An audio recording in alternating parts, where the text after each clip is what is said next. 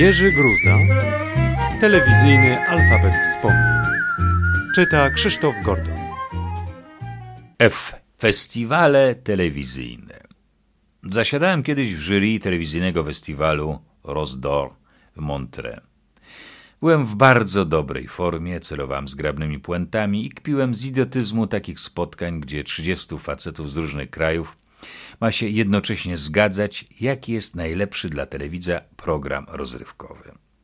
Tylko powstaje pytanie: jakiego telewidza?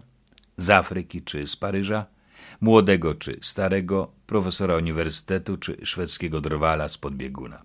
Bzdura. Ale Montreux jest piękne wiosną, ośnieżone szczyty na górze, a kwitnące kwiaty na dole. Tylko niestety ja muszę siedzieć po 10 godzin dziennie zamknięty w ciemnej sali projekcyjnej. Do zwariowania. I pewnego dnia, po szczególnie wyczerpującej nasiadówce, komunikat.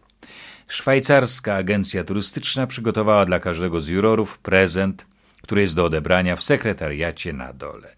Ma być to rodzaj podziękowania za pracę i trud festiwalowy. Podekscytowani odbieramy masywne koperty z naszymi nazwiskami. Już widzę oczyma wyobraźni, co tam może być. Przecież Szwajcaria to zegarki. Macam przez papier coś twardego, to etui, a w nim może nawet patek. Rozrywam kopertę, sięgam do środka i wyjmuję duży, reklamowy papier z życzeniami i owinięty elegancko kawałek wybornej, mlecznej czekolady z nadrukiem, że jest specjalnie wyprodukowana z okazji festiwalu z kolejnym numerem i że jest świetna i niepowtarzalna. Zapomniałam, że oprócz zegarków Szwajcarzy mają jeszcze krowy. Przemysł turystyczny najbogatszego państwa Europy, który ciągnie z turystyki miliony dolarów, daje nam w prezencie po kawałku czekolady. Niewiele myśląc, zdejmuję z ręki i wkładam do koperty swojego złotego Tissota. Potem wyciągam go w obecności dyrektora BBC z Londynu. Nie wiem jak ty, ale ja dostałem złotego Tissota. Ty też? Zaczyna grzebać w kopercie.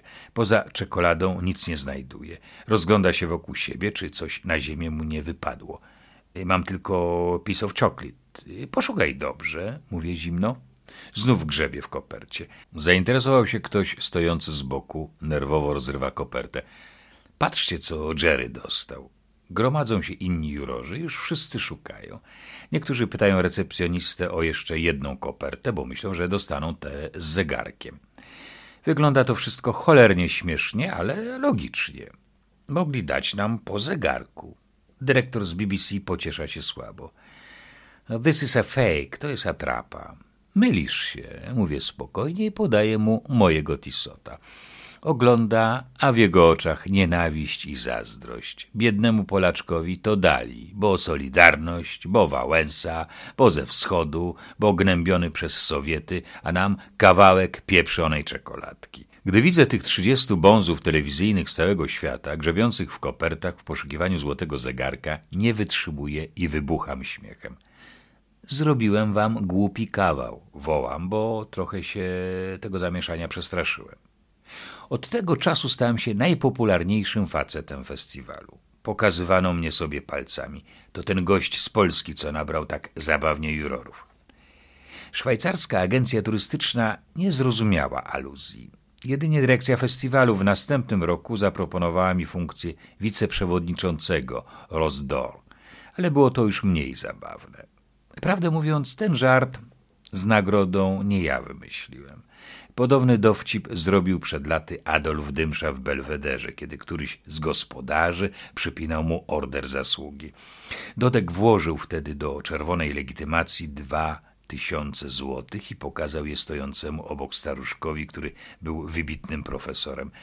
Nie wiem jak panu profesorze, ale mnie dali tylko dwójkę.